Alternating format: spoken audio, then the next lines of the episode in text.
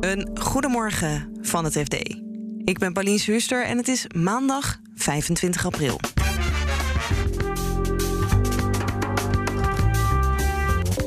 Om af te komen van Russisch gas kijken we naar de Verenigde Staten, maar daar kunnen ze de gaskraan niet zomaar verder opendraaien. Niet zo dat dat door deze uh, Amerikaanse bouwwoede in de gaswereld, zeg maar, dat we heel snel uh, van onze problemen af zijn. En de crisis op de woningmarkt begint bij de macht van de projectontwikkelaar. En daardoor ontstaat er eigenlijk een soort lokaal monopolie. Want dat betekent eigenlijk dat die gemeente die wil gaan bouwen, niet om die projectontwikkelaar heen kan. Dit is de dagkoers van het FD. De afgelopen jaren is er veel veranderd op de Nederlandse grondmarkt. En dus wil de autoriteit Consument en Markt dat daar onderzoek naar wordt gedaan. En dat wordt gedaan door hoogleraar gebiedsontwikkeling Erwin van der Krabbe. Onze woningmarktredacteur Erik van Rijn sprak hem over zijn onderzoek. Ja, Van der Krabbe is daar eigenlijk wel heel gelder over. Die zegt van ja, de grondmarkt vertoont eigenlijk alle kenmerken van een soort imperfecte markt. Um, en misschien wel een defecte markt.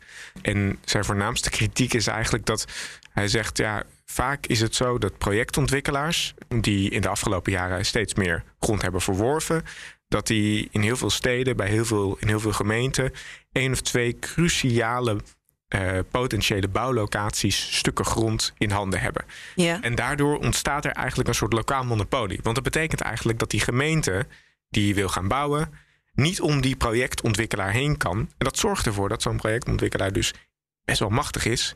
En daardoor kan die woningbouw uh, nogal, uh, nogal vertragen. Dat is, zijn, uh, dat is een van zijn voorlopige conclusies. Het grote onderzoek is er nog niet, maar hij heeft al een flinke publicatie gedaan een paar maanden geleden. En als we dan kijken naar zo'n situatie, bijvoorbeeld van zo'n projectontwikkelaar die zo'n nou ja, bijna monopolie in handen heeft, is het dan zo dat die projectontwikkelaar die grond wil verkopen aan de gemeente? Of gaan ze dan zelf daar een project op ontwikkelen en willen ze dan een deel terug voor de grond die zij al in handen hebben? Um, nou, het is, het is vaak zo dat er een soort uh, overeenkomst wordt, uh, wordt gesloten tussen gemeente en projectontwikkelaars. Um, kijk, in Nederland is, het, is de bouwclaim best wel, best wel bekend, een fenomeen.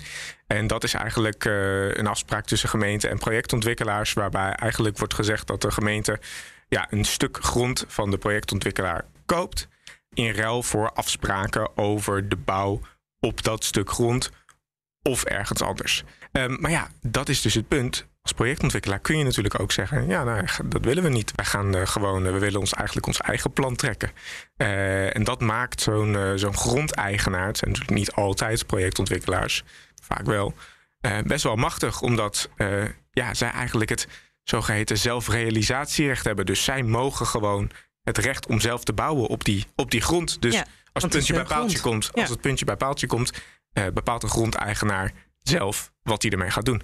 En heeft uh, Van der Krabbe dan ook al een idee wat een oplossing hiervoor zou kunnen zijn? Nou, wat je, wat je veel meer hoort uh, tegenwoordig, en wat hij ook wel zegt, is van ja, je zult op enig moment, je zult op een of andere manier moeten kijken naar hoe dat systeem nu is ingericht om die lokale monopolies uh, weg te nemen. Je kunt zeggen, misschien is de oplossing voor de afwezigheid van marktwerking op die grondmarkt is wel het, uh, het, het zorgen ervoor dat er meer markt komt.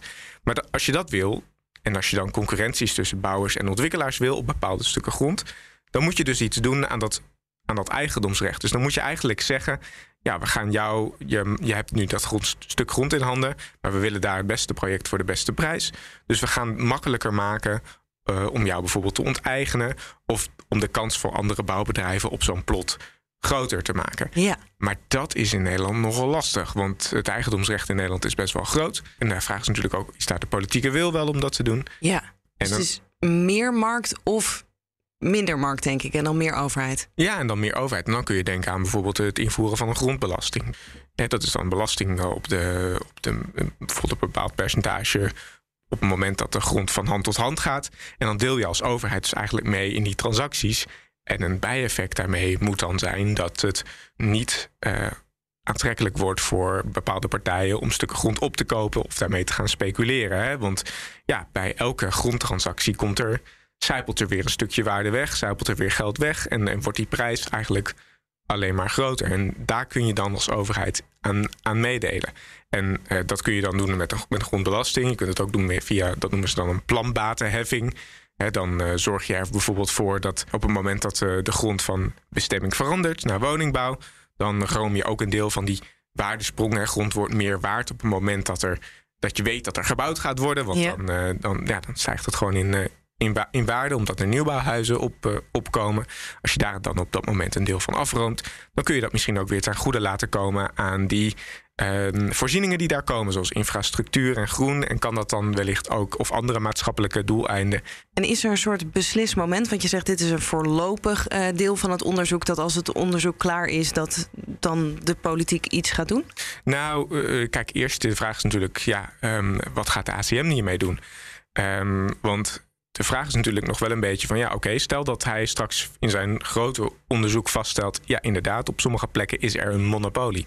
Dan is er natuurlijk nog steeds de vraag, ja, maar wordt daar dan ook misbruik van gemaakt? Maken die partijen, die projectontwikkelaars of, of andere partijen, maken die misbruik van de situatie dat zij uh, zo'n plot in handen hebben en dat er eigenlijk niemand anders met hen concurreert? Dat is een vraag die natuurlijk uh, heel erg moeilijk te beantwoorden is. En dat is ook een, de enige reden waarom de ACM bijvoorbeeld zou kunnen gaan ingrijpen. Dan moet er dus sprake zijn van marktmisbruik.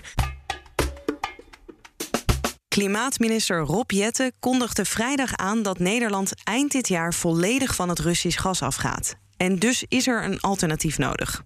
Energieredacteur Bert van Dijk ging naar de VS om te zien of daar misschien de oplossing ligt. En dus kijken we vooral eigenlijk naar Amerika, naar vloeibaar gas. Dus dat is gas wat wordt gewonnen in Amerika, uh, per pijpleiding naar de kust wordt getransporteerd en daar in hele grote fabrieken en terminals uh, vloeibaar wordt gemaakt en verscheept naar Europa. Dat is een beetje het idee.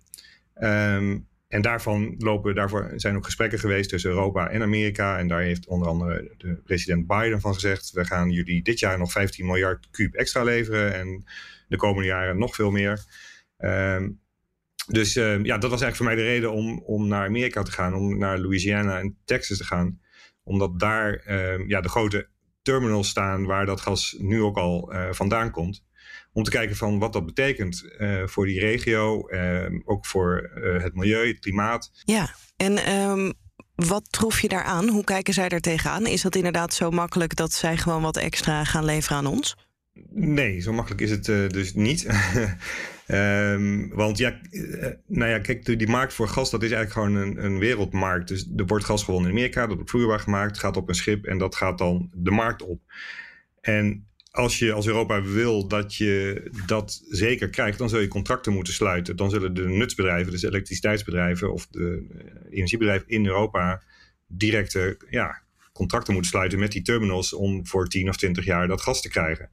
Ja, en in Azië, grote uh, gasimporterende landen als China en Korea en Japan, die hebben ook een enorme behoefte aan gas. Dus die, daar gaat Europa dan mee concurreren. Dus die, die zullen gewoon ja, flink moeten betalen of zelf contracten sluiten. Maar dat zou dan betekenen dat je dan als overheid ja, contracten gaat sluiten met zo'n terminal. En dat gebeurt eigenlijk helemaal niet. Dat zou ook, iemand zei ook in Amerika, ja, dat zou een soort Marshallplan betekenen dat je als overheid eigenlijk die markt opgaat. Maar, maar dat zien wij helemaal niet gebeuren. Wij, nou ja, wij, wij verkopen dit gas gewoon aan partijen en die verkopen het weer verder. Dat is eigenlijk wat er gebeurt. En is het dan zo dat als wij uh, er ook bij komen als partij die dat, uh, nou ja, of van die terminal of van die partijen wil kopen, dat er ook gewoon extra capaciteit nodig is, dus extra terminals? Nou ja, dat is een beetje. Kijk, die Amerikanen grijpen dit heel erg aan. Ook, ook die, die, die, uh, die problemen waar Europa nu mee zit om van het gas af te komen uit Rusland uh, om te zeggen, ja, luister, wij zitten nu helemaal vol. We hebben nu zeven exportterminals in Amerika. En die zijn eigenlijk uh, 100% bezet. Dus daar kunnen we niet gewoon nog meer gas vanuit exporteren. Dus uh, gezien die grotere vraag, hè, laten we nou sneller die terminals gaan bouwen. Dus, dus er lagen de afgelopen jaren ook al heel veel aanvragen voor nieuwe projecten. En dat zijn echt megaprojecten. Zo'n terminal kost 15 miljard dollar, 20 miljard dollar om te bouwen en om helemaal klaar te krijgen. Dat duurt vier, vijf jaar. Dus um, ja, die bedrijven grijpen dit nu aan van uh, ook richting de Amerikaanse regering van geef ons versneld vergunningen, uh, goedkeuring, zodat we die terminal snel kunnen bouwen en dat gas uit Amerika de markt op kan. Um, maar ja, ik zei zelf, kijk, als het vier, vijf jaar duurt, dan is het niet een oplossing voor nu, zeg maar, voor het probleem. En even los van of wij het kunnen krijgen, al, uh, dat, dat, dat gas uit Amerika, dat is ook een stuk nou ja, dat, dat rijmt niet helemaal met de duurzame ambities die wij hier hebben. Nee, precies. Ik geloof dat 80% van het gas, ehm, ja, dat wordt gewonnen via fracking. Dus dat is eigenlijk schaliegas. Dat wordt, uh, ja, er worden chemicaliën in de gesteente geïnjecteerd, waardoor dat breekt en dan komt het gas vrij. En dat, nou ja, dat even plat gezegd. En dat is een, uh, een techniek die wij in Europa en ook in Nederland, daarvan zeggen wij dat willen we niet. We hebben daar in Nederland ook een, moratorium op afgekondigd. Uh, maar ja, kennelijk vinden we dat geen probleem als dat uh, in Amerika wel gebeurt en deze kant op komt. Dat klopt. Dus dat is een hele, een hele dubbele eigenlijk. Ja, en het is natuurlijk ook dubbel ook voor de Amerikaanse regering zelf. Want Biden, ja, die heeft toch wel een groene agenda afgekondigd. Uh, maar ja, die, die maakt toch ook onder die, deze ja, uh, geopolitieke druk toch ook wel een draai. Dus door toch wel dit allemaal toe te staan en ook weer de gasproductie te laten opvoeren. Want dat zal hier ook mee samen gaan hangen. En hoe kijk je daar eigenlijk nu, nu je daar bent geweest er tegenaan of uh, nou ja, Texas, Louisiana, Amerika ons echt voor ons een oplossing is om van dat Russisch gas af te komen? Nou, het is een heel klein deel van de oplossing. Die terminals, er zal lang niet al die terminals zullen worden gebouwd. Er zullen ongetwijfeld nieuwe terminals uh, gaan, uh, gebouwd worden. Um, uh, maar ja, dat is maar een heel klein deel. Gaat dat opleveren. En dat is ook gewoon niet gegarandeerd dat dat naar Europa komt. Komt, zal er zeker een deel komen, maar daar, daar moet gewoon voor betaald worden. Dus dat, ja, ik denk dat we in Europa de komende winters en ook de komende jaren echt rekening moeten houden met uh, structureel hogere energieprijzen en gasprijzen. Het is niet zo dat dat door deze uh, Amerikaanse bouwwoede in de gaswereld, zeg maar, dat we heel snel uh, van onze problemen af zijn. Dit is een langjarig probleem en dit gaat gewoon langjarig ook grote, hogere energieprijzen opleveren.